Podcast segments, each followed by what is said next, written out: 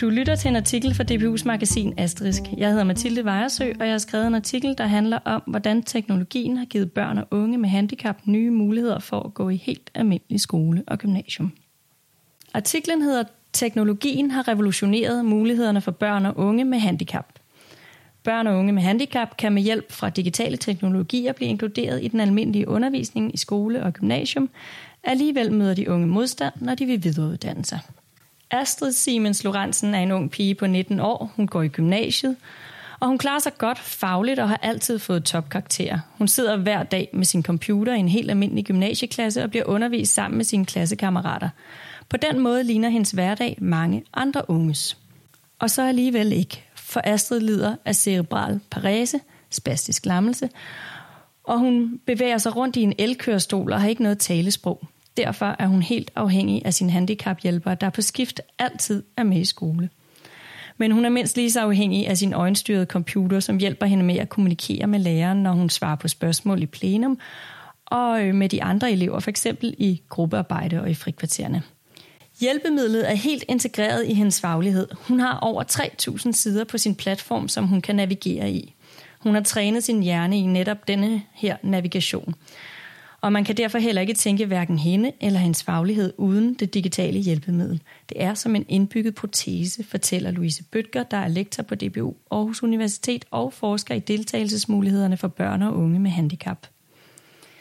De fleste af de børn og unge, hun følger i sin forskning, lider af cerebral parese, hvilket skyldes en hjerneskade, som giver større eller mindre funktionsnedsættelser i form af både motoriske og mentale handicap. Graden af kognitiv funktionsnedsættelse afgør, hvilken form for skolegang, hvilken form deres skolegang tager, forklarer Louise Bøtger. Dem med svære handicap sidder i specialskoler, men dem, der er mindre udfordret kognitivt, sidder i dag i normale klasser med et digitalt hjælpemiddel. Og langt de fleste har det faktisk godt der, selvom de har svære fysiske handicap og ikke noget sprog. Det er noget, de selv og deres familie har valgt. Det gælder også Astrid. Hun var en af de første med handicap af den karakter, der startede i gymnasiet. Det gør han til et forbillede for mange andre unge med handicap, der drømmer om en tilværelse så tæt på det normale ungdomsliv som muligt. Da Astrid som den første unge med cerebral parese i en så udpræget grad startede på et helt almindeligt gymnasium, bredte det sig som løbeild. Forældre til børn og unge med handicap af den art taler nemlig sammen. Og mange unge med lignende handicap følger nu i hendes spor, fortæller Louise Bøtger og og henviser til, at muligheden for at blive inkluderet i normal undervisning på et helt almindeligt gymnasium først og fremmest skyldes den teknologiske udvikling på området. For 20 år siden havde hun ikke kunne gå i gymnasiet. Almindelige lærere kunne ikke håndtere undervisning af elever som Astrid. Det kræver en særlig træning af lærere at få kendskab til de hjælpemidler til kommunikation, der, til rådighed, der var til rådighed dengang, siger Louise Bøtger og understreger, at det selvfølgelig også i dag kræver nogle pædagogiske greb fra lærerens side, for eksempel i forhold til klasserumsledelse. Læreren siger f.eks. eksempel til Astrid, ingen stress, formuler dit svar, og så hører vi det om lidt. I mellemtiden tager jeg lige en anden elev, siger læreren altså. Så læreren skal altså have en forståelse for hjælpemiddel og for, hvordan det overordnet virker i undervisningen. Men det skal tænkes ind i klassen. Men frem for at være en ekspert i teknologi, handler det i højere grad om at gennemtænke, hvordan eleven med handicap kan deltage i undervisningen. Det forudsætter en åben pædagogik, der gør plads til eksperimenter – for eksempel i forhold til gruppearbejde. Det kan Astrid, der kan Astrid godt være med, øh, når hendes hjælper assisterer. Hun forsøger at fatte sig i korthed, så hun på den måde kan bidrage mest muligt til at besvare den fælles opgave, uden at bruge for lang tid i gruppeprocessen, forklarer Louise Bøtger. Louise Bøtger ser den digitale hjælpemiddel som intet mindre end en revolution på handicapområdet. Teknologien er simpelthen forudsætning for, at unge med handicap, der hverken kan tale eller bevæge sig frit, kan inkluderes i den almindelige undervisning på helt almindelige skoler og gymnasier. Læreren skal ikke nødvendigvis tænke på, om, om det, hun underviser i, kan komme ind i den øjenstyrede computer, for det kan det. Mange teknologiske muligheder på tablets kører nemlig via nogle ret simple apps, siger Louise Bøger, og forklarer, at læremiddel og hjælpemiddel ikke kan adskilles, når vi taler om elever med handicap, i og med programmer og apps til læring og til fritid er integreret i samme elektroniske platform, hvor hjælpemidlet blot er én funktion ud af mange. Hjælpemidlet skiller sig umiddelbart ikke væsentligt ud fra de computere, hendes klassekammerater sidder med – det er et Windows-styret system, der kan kommunikere via øjenstyring, så hun kan altså styre Windows-programmer som Word og Excel blot ved at fokusere kortvarigt, hvor vi andre ville klikke med musen. Med sammensmeltning af læremidler og hjælpemidler følger det, Louise Bøtger kalder metalæring. Det vil sige en evne hos de unge med handicap til at reflektere over hjælpemidlets funktioner og muligheder, og derfor overføre denne forståelse til helt nye situationer, både i skolen og i deres liv generelt. Det er centralt for de unge at lære, at hvis de ikke umiddelbart kan det, de andre kan, så kan de gøre det på en anden måde ved hjælp af deres hjælpemiddel. Vi vil gerne lære dem at tænke sådan, ikke kun i skolen, men i deres liv i det hele taget. Det digitale hjælpemiddel er med andre ord en omvej til at løse de samme udfordringer og opgaver, som mennesker uden handicap møder. Hjælpemiddel hjælper ikke kun Astrid til at kommunikere med lærere og klassekammerater. Hun kan også skrive opgaver med formler ved hjælp af en øjenstyret program. I princippet kan hun alt det, de andre gør i skolen, men det tager længere tid, og det er meget udmattende for hende. Derfor har hun fået dispensation til at bruge fem år på sin gymnasieuddannelse, fortæller Louise Bøtger. Men selvom Astrid er godt med og får topkarakterer, så måtte hun kæmpe en brav kamp for overhovedet at få lov at gå i gymnasiet. Hun blev afvist på det første gymnasium, som ellers var egnet til kørestolbrugere. Hun endte så på et gymnasium med trapper. Her oplevede hun til gengæld en åben og konstruktiv tilgang til til hende og til hendes særlige behov. Blandt andet fandt de ud af at lægge alle timer i, lokaler, øh, i lokalet ved elevatoren og i nærheden af handicaptoilettet. Det var Astrids egen idé, at hun ville i gymnasiet, og hendes forældre har støttet hende hele vejen. Hun ville være del af klassefællesskabet, og derfor var det ikke sagen for hende at gå på enkeltfags HF, som UU-vejlederen foreslog, og som typisk er det unge med handicap, der vil tage en ungdomsuddannelse for stillet udsigt, siger Louise Bøtger, der beskriver Astrid som en stærk pige fra en ressourcestærk familie. Hvis man skal klare sig godt som handicappet, kræver det ressourcestærke forældre, der kæmper for deres børn. Problemet er, at kommunerne skal spare, men også, at lovgivning på handicapområdet er utrolig kompleks og svær at gennemskue, fortæller Louise Bøtger. Hun problematiserer, at den her gruppe af unge møder modstand på trods af en politisk ambition om, at alle unge skal have en ungdomsuddannelse. For hvad skal der ske efter Astrids studentereksamen? Hendes plan er klokkeklar. Hun vil studere videre på Københavns Universitet. Men spørgsmålet er bare, vil universitetet skabe de rette rammer, så hun er i stand til at uddanne sig? Hun har imidlertid ikke tænkt sig at sidde og vente på, at systemet finder et i deres øjne passende uddannelsestilbud til hende. Så hun er sammen med sine forældre klar til at kæmpe for sin sag.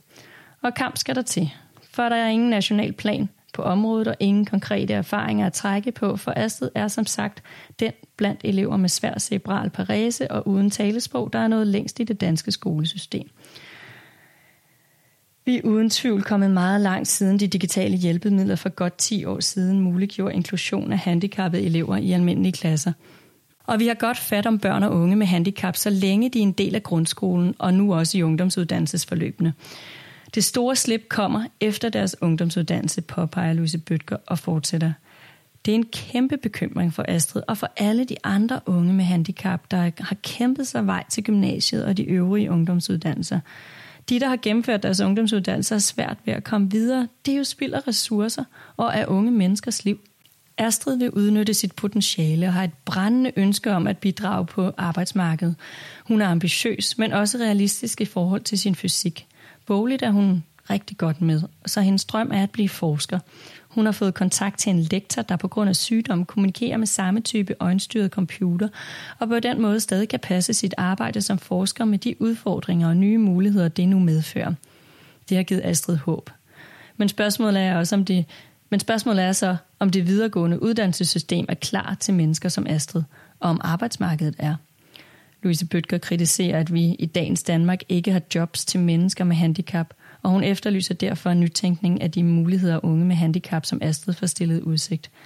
Man har jo fundet ud af, at mennesker med autisme kan bidrage med noget på, på arbejdsmarkedet. Det, de er stærkt specialiseret inden for detaljeret arbejde, som for eksempel programmering. Hvorfor er der ikke tilsvarende plads til mennesker med andre typer handicap i vores samfund? De vil gerne bidrage, og de vil ikke parkeres på førtidspension. Men det er desværre det, der sker i dag, selvom de faktisk har noget at bidrage med, når blot de møder åbenhed for deres medmennesker og ikke mindst får stillet den rette teknologi til rådighed.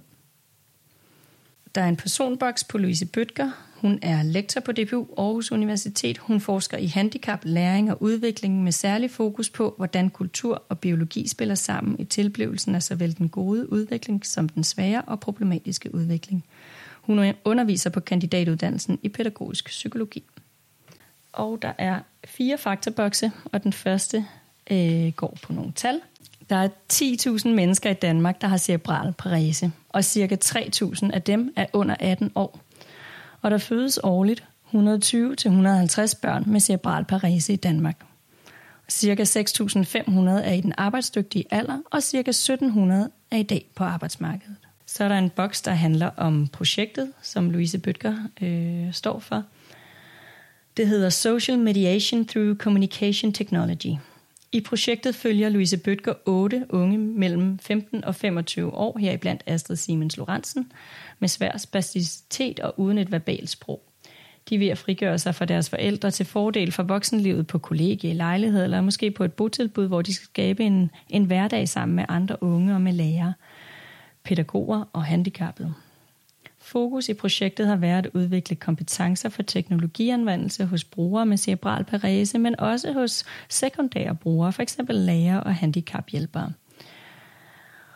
Men også hos professionelle, som på anden vis beskæftiger sig med velfærdsteknologi. Så er der en boks øh, mere, der hedder Flere skal have en uddannelse. Kun godt en tredjedel af alle voksne med cerebral parese har en ungdomsuddannelse. En del unge med cerebral parese går i gymnasiet, og langt færre tager en erhvervsuddannelse.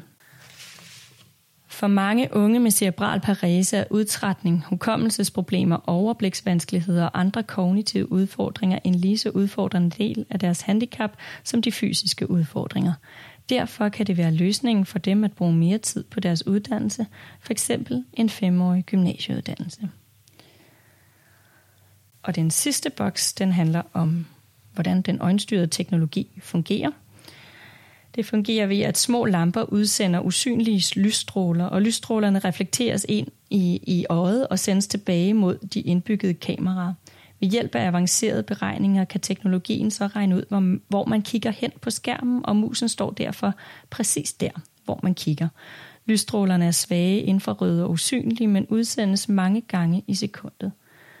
Teknologien baserer sig på et Windows-styret system, der er integreret med andre typer Windows-programmer, som man styrer blot ved at fokusere kortvejt frem for at klikke med musen eller bruge tasterne. Og sådan slutter artiklen. Jeg håber, du blev klogere på de muligheder, teknologien har skabt for børn og unge med handicap. Tak fordi du lyttede med.